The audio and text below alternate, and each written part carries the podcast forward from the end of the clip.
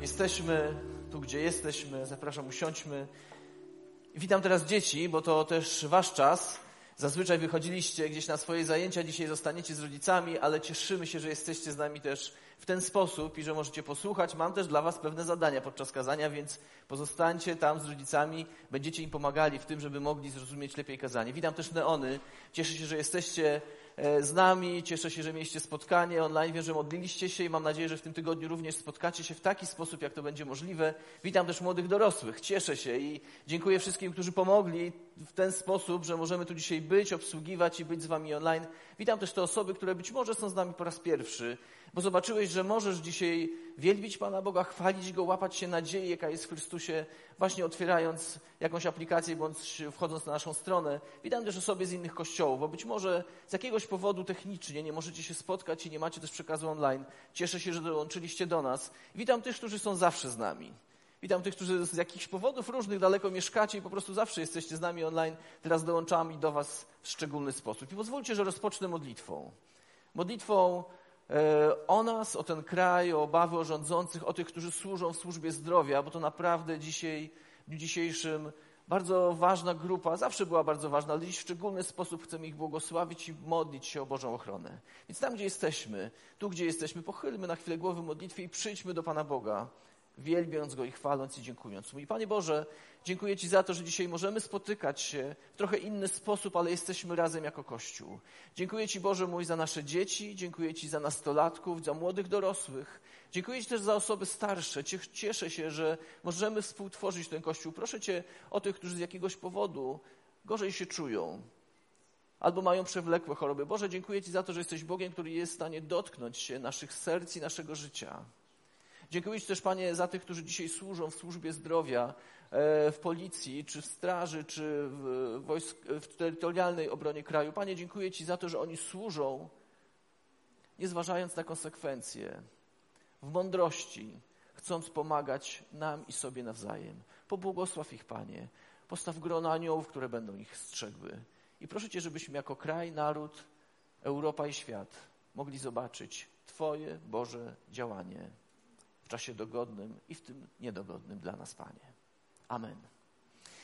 A teraz zapraszam, e, weźcie Biblię tam, gdzie jesteście w domach. Dzieci będą miały szczególne zadanie, bo będą szukały w Biblii tych fragmentów, które będziemy razem czytać. E, więc trochę zobaczymy, czego się tam uczycie w niedzielę i rodzice będą mogli na żywo to zobaczyć. A zatytułowałem sobie to nasze dzisiejsze e, przesłanie Kościół, który podejmuje ryzyko. Bo Kościół zawsze był w takim miejscu, w którym z jakiegoś powodu podejmował ryzyko. I chcę rozpocząć od pewnej historii. Pociągiem jechał pewien człowiek, dyrygent, i konduktor chciał sprawdzić mu bilet. Więc yy, nie były to jeszcze czasy, gdzie można było w telefonie mieć bilet, więc szukał takiego papierowego, wiecie, oldschoolowego biletu. Szukał po kieszeniach, grzebał w portfelu, jednak bez powodzenia. Nie mógł go znaleźć, nie mógł odnaleźć, gdzie on jest. Ale konduktor powiedział, niech się pan uspokoi, jak pan dotrze na miejsce, znajdzie pan bilet, zrobi pan zdjęcie, prześle i wszystko będzie ok. Ale ten człowiek, który szukał biletu, powiedział: Panie konduktorze, mój problem nie jest w tym, gdzie jest mój bilet, ale problem jest w tym, że ja nie pamiętam, dokąd jadę. I wiecie co? Niestety zbyt często właśnie tak w życiu pędzimy, że nie do końca wiemy, dokąd jedziemy. I problemem jest to, że nie mamy wyraźnego kierunku do tego obrazu, czy do tego miejsca, do którego zmierzamy. Brakuje nam określonego celu, aż w pewnym momencie nagle pojawia się znak stop. I trzeba przeorganizować to, w jakiej formie funkcjonowaliśmy do dzisiaj. Trzeba zmienić sposób myślenia i postrzegania tego, dokąd zmierzamy. I chciałbym teraz, żebyśmy odnaleźli fragment Bożego Słowa. Będziecie też mieli na ekranach, ale teraz właśnie dzieci to jest dla Was ten moment. Znajdźcie list do Hebrajczyków. To jest w Nowym Testamencie. Ci, co już są bardziej świadomi teologii, to jest w Nowym Testamencie. Znajdźcie list do Hebrajczyków, jedenasty rozdział, od 6 do 10 wersetu. Damy na to chwilę. Rodzice, możecie troszeczkę pomóc, jeśli chcecie. E, I wspólnie razem w domach, bądź tam, jeśli gdzieś jesteście sami z waszymi rodzinami, e, bądź jesteście po prostu gdzieś w domu, bądź gdzieś w jakimś e, miejscu, w którym odsłuchujecie, proszę zajrzyjmy do tego fragmentu i wspólnie go przeczytajmy. List do Hebrajczyków, 11 rozdział, od 6 do 10 wersetu. Bez, wiaru, bez wiary przeciwnik nie może podobać, przeciwnie, nie można podobać się Bogu. Kto bowiem przychodzi do Boga, musi uwierzyć, że On istnieje i nagradza tych, którzy Go poszukują. Dzięki wierze Noe, ostrzeżony o tym, czego jeszcze nie widziano, przejęty przestrogą, zbudował arkę dla ocalenia swego domu. Przez nią wydał wyrok na świat, ale też stał się dziedzicem sprawiedliwości, której miarą jest wiara. Dzięki wierze Abraham usłuchał wezwania, by udać się do miejsca, które miał objąć dziedzictwo i wyruszył, nie wiedząc, dokąd idzie. Dzięki wierze zamieszkał jako cudzoziemiec w ziemi obiecanej, na obczyźnie, żyjąc pod namiotami z Izajakiem i Jakubem, współdziedzicami tej samej obietnicy. Czekał bowiem na miasto o stałych fundamentach, którego architektem i budowniczym jest Bóg. I ten fragment chciałby, żeby on przewodził nam dzisiaj w tym, o czym będziemy myśleć czy zastanawiać się, ale zanim to jeszcze jedna historia. Dzisiaj będzie trochę więcej historii, żeby e, i dzieci mogły trochę włączyć się e, w to, jak, jeśli słuchają. E, dwóch pastorów, pomęczmy trochę pastorów. Dwóch pastorów spadł, spało w namiocie na wyprawie w góry. Wiecie, postanowili, że oddzielą się od wszystkich i będą tam szukać Bożej obecności, więc wzięli namiot, wybrali się w góry. Może jak trochę z nas jesteśmy oddzieleni, trochę odizolowani od siebie, ale to nie przeszkadza nam, żeby szukać Bożej obecności. I w środku nocy jeden z nich obudził się i spojrzał w gwiazdy i zapytał tego drugiego: Co widzisz? Drugi obudził się ze snu, spojrzał i powiedział: No, widzę gwiazdy.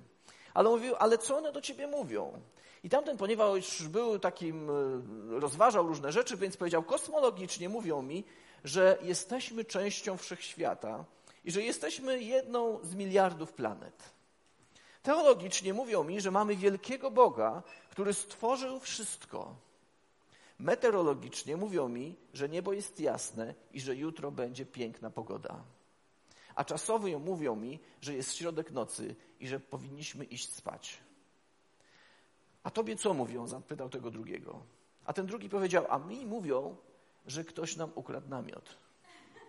Prawda, że ciekawa historia, ale pozwólcie, że zapytam siebie i nas dzisiaj rano, kiedy myślisz o ostatnich kilku dniach, o ostatnich godzinach i spoglądasz na własne życie, spoglądasz na Kościół, spoglądasz na rzeczywistość, w której żyjesz, to co widzisz?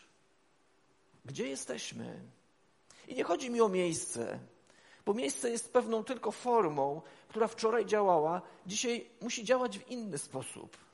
Ale gdzie, jest, gdzie jestem, jeśli chodzi o moją wiarę, o moją nadzieję, o moje bezpieczeństwo, o spokój, który dotyczy teraźniejszości i dotyczy też wieczności? To pytanie ponadczasowe. Niezależnie od tego, czy wierzysz, czy nie wierzysz, bo z pewnej ciekawości dzisiaj jesteś z nami, to chcę Cię zapytać, gdzie jesteś i co widzisz? I możemy spojrzeć również na Kościół, czyli na, to, na tę wspólnotę, którą tworzymy, bez ścian, bez barier, możemy spojrzeć na Kościół w tym trudnym czasie co najmniej z trzech perspektyw. I ten tekst też o tym mówi, a ta pierwsza perspektywa to Kościół patrzący wstecz. Niejednokrotnie patrzymy wstecz jako ludzie, zastanawiamy się, e, jak wygląda nasze życie. Kiedy słyszeliśmy dzisiaj świadectwo Radka, on też powiedział o pewnej przeszłości, która była, o teraźniejszości też, której jest i jak do tego doszedł.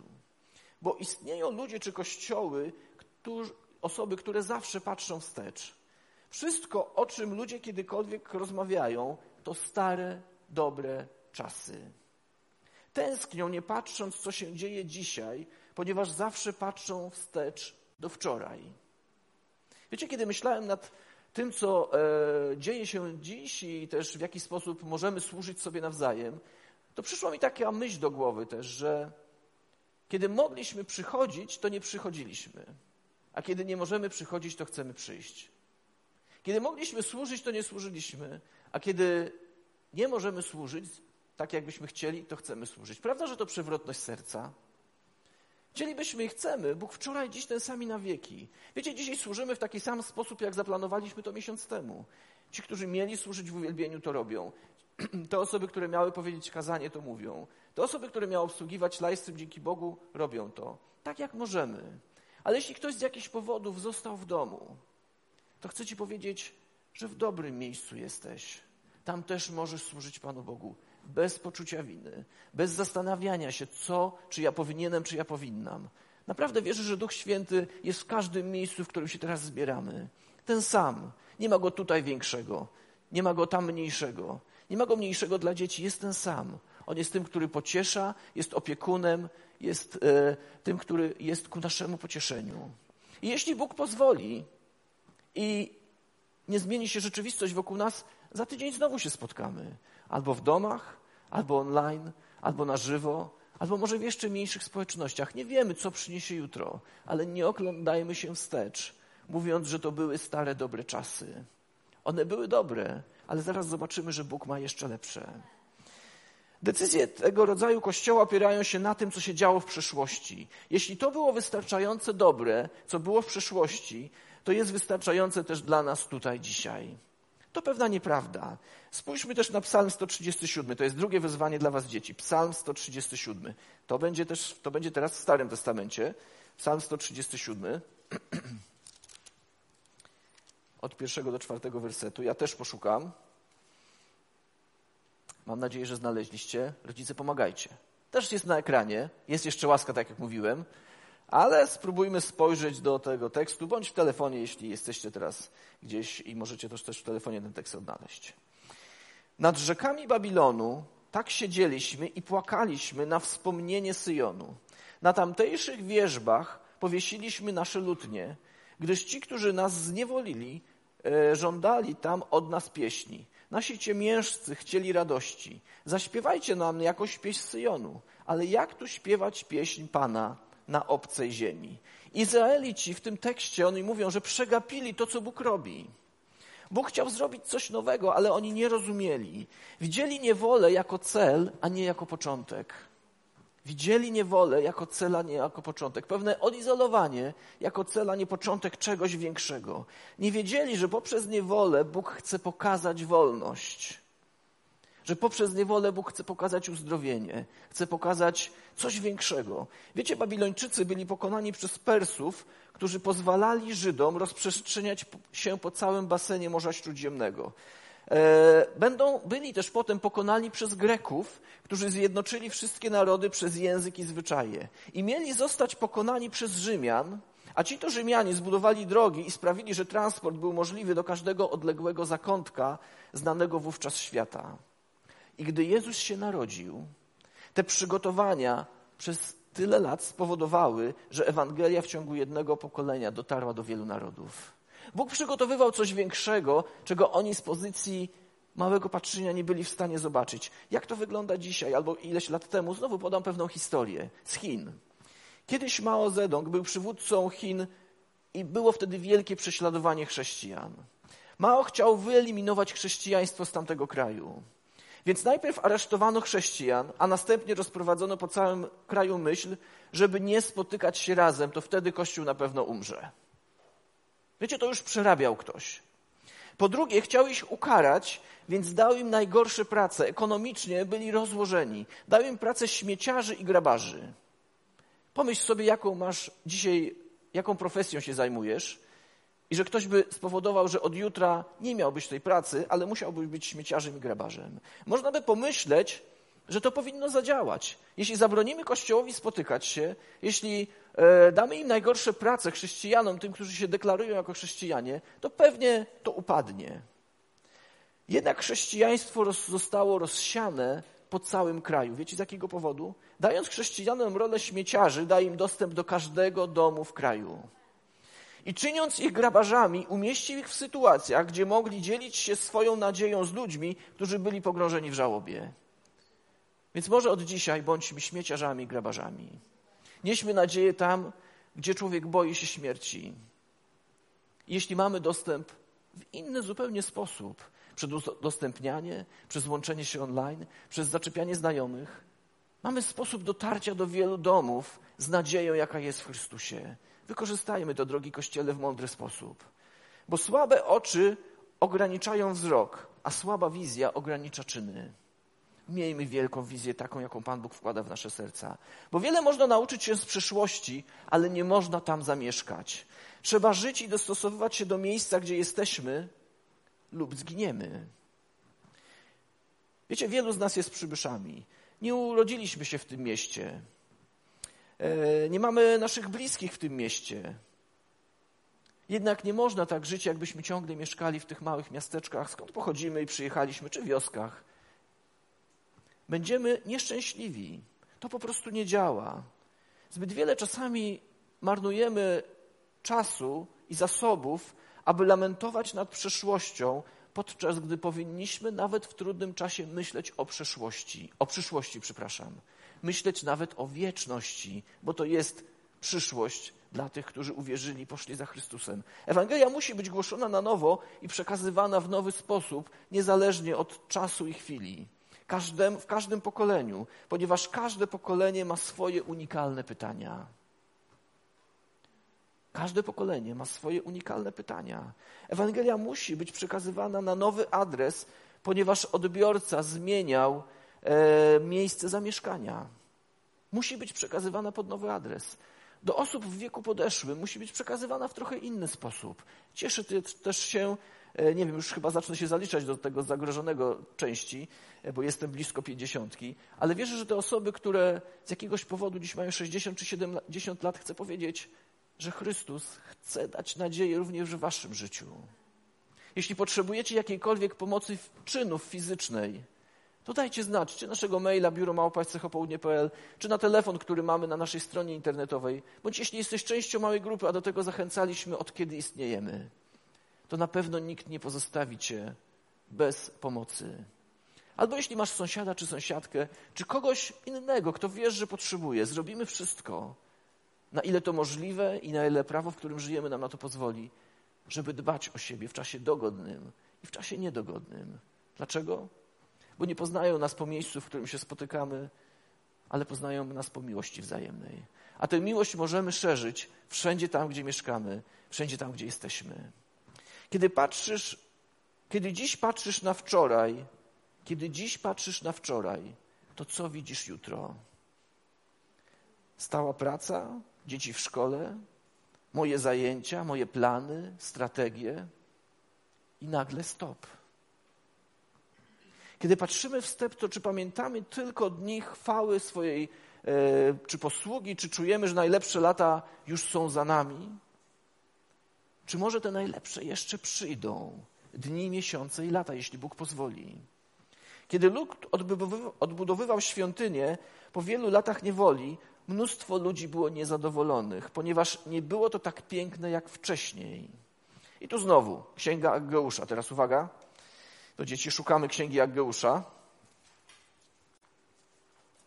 Też sobie nie zaznaczyłem, więc też muszę poszukać. Księga Aggeusza, Stary Testament.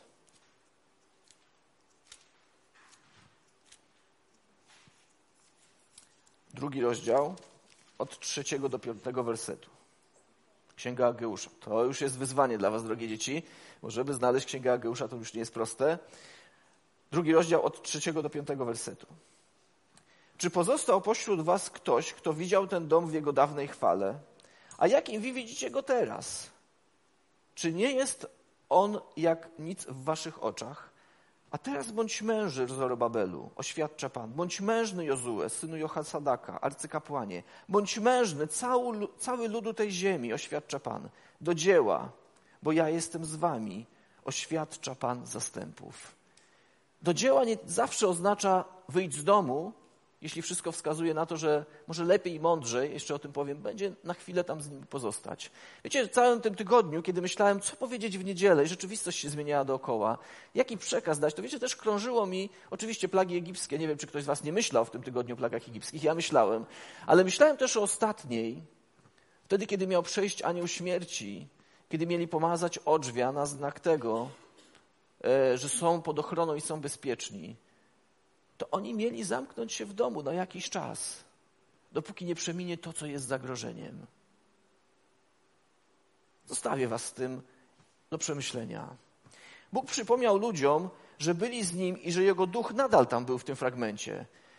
To jest niemożliwe, żeby Bogu służyć wczoraj.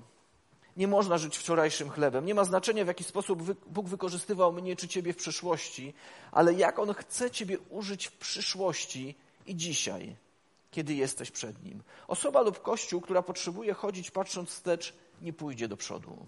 I to jest pierwszy punkt. Druga rzecz to kościół spraw pilnych. Tak sobie to, to zatytułowałem. Opieka Kościoła dziś zawsze dotyczy spraw pilnych. My niejednokrotnie zawsze działamy jak ojom, albo często działamy jak ojom. Jest tak zajęty i ma tak wiele potrzeb, że nacisk kładziony jest na teraźniejsze problemy, na to, co dzisiaj. Po prostu staramy się zachować głowę nad wodą. Decyzje tego rodzaju kościoła opierają się na, na działaniu dziś. Ewangelia Mateusza, to już Nowy Testament. Zobaczcie, dzieci, znowu jest dla Was misja do wykonania. Ewangelia Mateusza, 15 rozdział do 32 wersetu. Będę podążał za Wami. To Nowy Testament, otwieram. Ewangelia Mateusza, 15 rozdział, 32 werset. A Jezus przywołał swoich uczniów i powiedział: Bardzo mi żal tych ludzi. Są ze mną już trzy dni, nie mają co jeść, a ja nie chcę odsyłać ich głodnych, bo mogliby zasłabnąć w drodze. Wówczas uczniowie zapytali, skąd tu na odludziu wziąć tyle chleba, żeby nakarmić tak wielki tłum?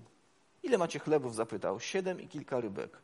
Wówczas polecił ludziom rozsiąść się na ziemi, żeby nakarmić mnóstwo ludzi. Podejmowanie dnia dzisiejszego, podejmowanie wyzwań przez Kościół dnia dzisiejszego jest ważne. Tak długo jak możemy, róbmy to, żeby potrzeby były zaspokojone w taki sposób, jak możemy to uczynić. Ale problemem jest to, że niejednokrotnie żyjemy z widzenia, a nie z wiary. Nikomu jej nie odbieram, a nikomu jej przy, nie przykładam, bo każdy rozwija się w tym darze. To jest dar od Pana Boga. Musimy mieć większą wizję jako Boże dzieci do tego, co Bóg chce dokonać. Czy nasze modlitwy dzisiaj, tam gdzie jesteśmy, tu gdzie ja jestem, odzwierciedlają większą Bożochwałę? Czy nasze działania sięgają kilku dni, miesięcy i być może lat do przodu, niezależnie od tego, co się wydarzy? Czy nasze działania dotykają wieczności? Tam, gdzie spotkamy się, jeśli zaufamy Jemu, który pokonał strach, który pokonał śmierć, który pokonał obawy. Nic się nie dzieje bez przyczyny. Wiecie, to przeczytałem dzisiaj na jednym z blogów, jakimś tam, jakiejś osoby. Nic się nie dzieje bez przyczyny. Świat się zatrzymał, gospodarka się załamała. Ludzie chorują na płuca, ale jednocześnie zaczynają oddychać. Ludzie rozdzieleni ze swoimi rodzinami i dziećmi przez konieczność wielogodzinnej pracy i szkoły zostają połączeni i zamknięci w domach razem. Może warto zastanowić się, po co to wszystko? Po co to wszystko? I tu zmierzam do ostatniego punktu, do ostatniej myśli, jaką chciałbym, czy do ostatnich kilku myśli, które chciałbym zostawić, bo Kościół podejmuje, ryzyko. Kościół zawsze był tym, który podejmował ryzyko. Bo Kościół, który podejmuje ryzyko, wierzy, że najlepsze jest przed nami. Inwestuje wszystko, co ma dziś, żeby mieć wszystko to, co chce Bóg mieć jutro. Podejmując ryzyko, kościoły starają się być na krawędzi pewnego cięcia. Chcą zobaczyć, jak Bóg działa i korzysta ze wszystkich dostępnych technologii, muzyki, form przekazu, pójścia tam, gdzie nieznane, żeby Chrystus był znany. Może musimy pójść tam, gdzie nieznane, żeby Chrystus był znany. Czy poprzez przekaz online, czy poprzez przekaz, czy poprzez pomoc w szpitalu, jeśli Bóg w Duchu Świętym powołuje cię do tego, to wierzę, że cię ochroni i będziesz mógł tam pójść i służyć w jakiś sposób. Czy poprzez modlitwę w domu, jeśli Bóg do tego ci powołuje, to zostań i módl się, bo to ma moc poza murami. To ma moc ochronić nasze rodziny i nasze dzieci. To ma moc ochronić osoby starsze, które w tym okresie są szczególnie zagrożone. Czy poprzez troskę o kogoś obok. Może nigdy nie pukałem do drzwi obok do mojego sąsiada i sąsiadki, nawet nie wiem, jak wygląda. Może warto zapukać i powiedzieć: Jesteśmy w domu. Jeśli potrzeba przysłowiowej szklanki ryżu, bo może już nie soli, to chcemy się podzielić. Albo może potrzebujemy przysłowiowej szklanki ryżu czy innego produktu i ktoś z nami się podzieli. Poprzez spokój pomimo niepokoju podejmujemy ryzyko. Jednym z powodów, że nie podejmujemy, nie podejmujemy ryzyka, nie wiem, czy się zastanawialiście na tym, jest strach. Pytanie, jakie sobie stawiam, czego się dziś obawiamy? Czy takiego, czy innego wirusa? Czy obawiamy się tak naprawdę śmierci? Bo jeśli boimy się śmierci, to nie mamy spokoju co dalej. Nie mamy pewności, co dalej. I oczywiście, żebyście mnie dobrze zrozumieli, rozumiem ludzkie obawy. Sam je mam niejednokrotnie w moich myślach. O moich bliskich, o moich rodziców, o moich teściów, o pracę, o stratę. Kiedy robiliście w ostatnim czasie zakupy, o panikę, która była wokół nas. Sam się zastanawiałem, być może, a może wziąć jednak trochę więcej. A z drugiej strony, a może nie starczy dla kogoś, kto jest za mną. To są dylematy, to są pytania, przed którymi też stajemy, ale śmierci nie musimy się bać. Jeśli wiemy, gdzie po tej śmierci trafimy i, skąd, z kim tę wieczność spędzimy. Jednak brak czegoś jest po prostu częścią życia i często jest warunkiem powodzenia. Jeśli chcemy widzieć Kościół z przodu, Kościół w przyszłości, to musimy zaakceptować fakt, że możemy potykać się po drodze, że może będziemy musieli zmienić to, co wydawało nam się dzisiaj tak bardzo normalne i naturalne. Może nawet będziemy musieli zmienić sposób witania się. I wiecie, nie chcę cwaniaków wiary, którzy powiedzą, a ja jednak będę rękę i na misia. Też będę za tym stęsknił, dopóki nie będzie to możliwe. Ale miejmy mądrość, jak to robić, bo Bóg nie pozbawił nas rozumu, dał nam go. I mając wiarę, mając mądrość, możemy naprawdę więcej uczynić. Wiecie, modlę się też i zachęcam Was do tego, żeby może właśnie w tym kraju nad Wisłą, żeby może właśnie w Polsce ktoś wymyślił antidotum na to, co dzieje się na świecie. Dlaczego nie miałoby się to stać? Dlaczego ten kraj nie miałby być też z tego znany? Że Bóg dał komuś mądrość, żeby wymyślić coś, co spowoduje, że akurat tego rodzaju epidemia zostanie wstrzymana. Czy Bóg nie chce? Wiecie, usłyszałem w tym tygodniu też od jednego z pastorów, którego bardzo cenię, jedną mądrą myśl, dla mnie mądrą, że Bóg albo jest czegoś kreatorem, albo coś dopuszcza. Nie ma trzeciej możliwości. Wiecie, to mi daje spokój, że nie wymknęło się Panu Bogu nic spod kontroli. Albo coś kreuje z jakiegoś powodu, albo coś dopuszcza z jakiegoś powodu. Nie pytajcie mnie dlaczego. Nie wiem. Ale wiem jedno: mamy mieć w wierze pewność, gdzie spędzimy wieczność. Nie wiemy, kiedy nas stąd zabierze, i nie to nas ma przerażać. Miłość usuwa lęk, a Boża miłość jest doskonałą miłością. Wiecie, pewien człowiek, Jonas Salk, podjął 200 nieudanych prób szczepionek polio, kiedy zanim ją wymyślił. I zanim wpadł na taką, która działała. I ktoś zapytał go, jakie to uczucie, kiedy 200 razy próbujesz wynaleźć szczepionkę na polio. On odpowiedział, jego rodzina nauczyła go, że odkrył 200 sposobów, gdy szczepionka na polio nie działała. Ale ten jeden trafił, że zaczęła działać. Wiecie, przez wiarę Noe poszedł i zbudował arkę. W tym tekście to czytaliśmy pomyślał o tym, zainwestował wszystko, co miał w coś, co wydawało mu się zupełnie niemożliwe. Czy można sobie wyobrazić budowę łodzi na podwórku w czasach, kiedy nie było dźwigów, kiedy nie można było niczego prze przenieść i kiedy deszcz nie padał? Choć nie widział ani nie rozumiał, opierał swoje życie na Bogu, na Jego słowie, nie spisanym, ale tym, które usłyszał, i był gotów czekać 120 lat na spełnienie obietnicy. Wizja Noego opiera się na tym, co było powiedziane przez Boga. Potem czytaliśmy o Abrahamie. Wyszedł z domu i udał się do ziemi obiecanej, choć mieszkał w namiocie, widział przyszłe miasto, którego architektem i budowniczym jest sam Bóg. On uwierzył Bogu i opierał swoje życie na tej wizji. To, co niszczy perspektywy, to nasza skłonność do zbyt małej skali.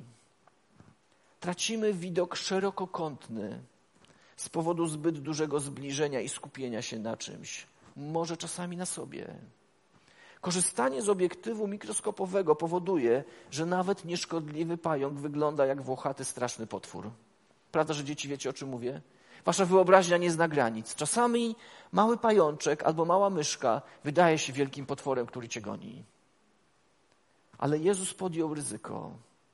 Jezus podjął ryzyko i powierzył zbawienie świata jedenastu przestraszonym mężczyznom. Dwunastu, jeden nie zdał testu. przez Bożą moc i wizję zmieniają świat do dzisiaj. Więc zamiast szukać w przeszłości lub w teraźniejszości, ufali temu, co Bóg pokazał przez Chrystusa.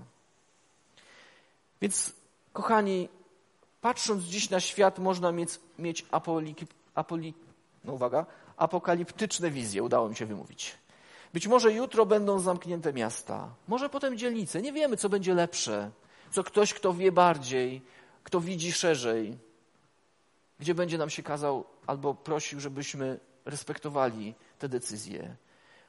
Niektórzy z nas nie wrócili jeszcze gdzieś z zagranicy, gdzieś z miejsca pracy. Nie mają już takiej możliwości. Myślę też, Dawid, o Tobie, jeśli będziesz nas słuchał albo widział. Modlimy się o to, żeby każdy bezpiecznie mógł wrócić do domu. Na razie tego ziemskiego. Musimy przejść przez to z Bogiem i razem jako Kościół, jako naród.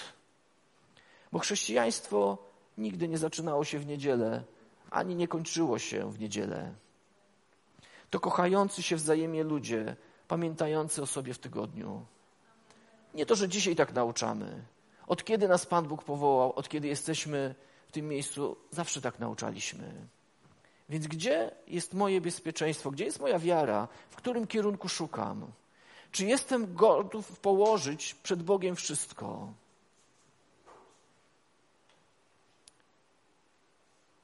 Znowu historia teraz będzie trochę dla dzieci. Pewien Franek miał iść z tatą na ryby. Cały tydzień nie padało aż do soboty, a w sobotę lało od rana. Więc syn błąkał się po domu, wyglądając przez okno i narzekając na pogodę, kiedy wreszcie przestanie padać i będą e, mogli pójść na ryby. I w pewnym momencie powiedział: Wygląda na to, że Bóg nie wie, co lepiej, że lepiej, gdyby deszcz był wczoraj, a nie dzisiaj. Tak powiedział do taty. Więc poskarżył się do, do, do swojego taty, który siedział przy kominku i czytał spokojnie książkę. Jego ojciec próbował wyjaśnić Frankowi, jak bardzo potrzebny jest deszcz, jak kwiaty rosną, e, jak bardzo potrzebna jest wilgoć, ten czas razem spędzony. Ale około piętnastej deszcz przestał padać. Więc pobiegli z ojcem nad jezioro. I wiecie, ryby były tak wygłodniałe, że prawie gryzły haczyki. Bóg wie, kiedy kogo i gdzie posłać. I nie będzie tego trzymał w tajemnicy. Bóg wie, kiedy, kogo i gdzie posłać. Więc jak patrzymy na nadchodzący poniedziałek i tydzień? Co widzimy? Czy obawę i strach? Czy chcemy powierzyć ufność Panu Bogu, że On nie stracił kontroli nad naszym życiem, naszych bliskich i przyjaciół? Bo kiedy Bóg wzbudza Kościół, to posyła tam ludzi, a, a Kościół to grupa różnych ludzi, którzy widzą Go znacznie dalej niż tylko tu, gdzie mieszkamy czy jesteśmy. Wiecie, i są dwie postawy ludzi, którzy będą nas wspominać. Mogą nas wspominać jako tych, którzy przynosili problemy i panikę, lub jako tych, którzy je rozwiązywali i nieśli pokój i światło. Ja chcę być w grupie. Modlę się o to, żebym miał pokój i niósł światło tam, gdzie jest strach i obawa. Myślę, że w czasie, w którym obecnie się znajdujemy, nic nie jest bardziej prawdziwe jak słowa Tozera. Przerażony świat potrzebuje nieustraszonego Kościoła. I kiedy za moment będziemy wielbić Pana Boga dalej przez chwilę, to chcę powiedzieć też do osób, które może obawiają się, co z Twoją wiecznością i co z Twoją teraźniejszością. Największym wirusem, jaki na świecie jest od początku prawie stworzenia, to jest nieposłuszeństwo Panu Bogu i grzech. Każdego z nas on go dotknął. Ale Bóg w Chrystusie znalazł szczepionkę i antidotum przebaczenie. Jeśli dzisiaj poprosisz Boga o przebaczenie, do czego Cię zachęcam, będąc w domu bądź słuchając nas w jakimś innym miejscu, to Pan Bóg dał nam obietnicę. Jeśli poprosimy Go, to On nam wybaczy. Bóg też mówi, że oto dzisiaj dzień łaski, dzień zbawienia. Więc jeśli uznasz Go jako Pana i Zbawcę, tam gdzie jesteś, w ciszy swojego serca, to On chce dać Ci pewność, usunąć strach i lęk i chce dać Ci pewność wieczności. Jeśli stąd odejdziemy dziś, jutro, za pięć lat, za pięćdziesiąt czy za dwadzieścia, to chcę być pewien, że tam w wieczności spotkamy się ze swoimi bliskimi, ze swoimi rodzicami, dziećmi i tymi, których Pan Bóg z tej ziemi chce powołać. Pomodlę się teraz prostą modlitwą. Jeśli chcesz, to dołącz do niej. I Panie Boże, dzisiaj przynosimy Ci nasze życie. Czasami może w obawie, ale nie w strachu i lęku. Przynosimy Ci nasze życie, prosząc Cię, przebacz nam nasze grzechy. Wypełnij nas swoją radością i obecnością. I chcemy przypomnieć sobie albo uznać po raz pierwszy, że jesteś dla nas Panem i Zbawcą, który pokonał śmierć i który czeka na nas w wieczności.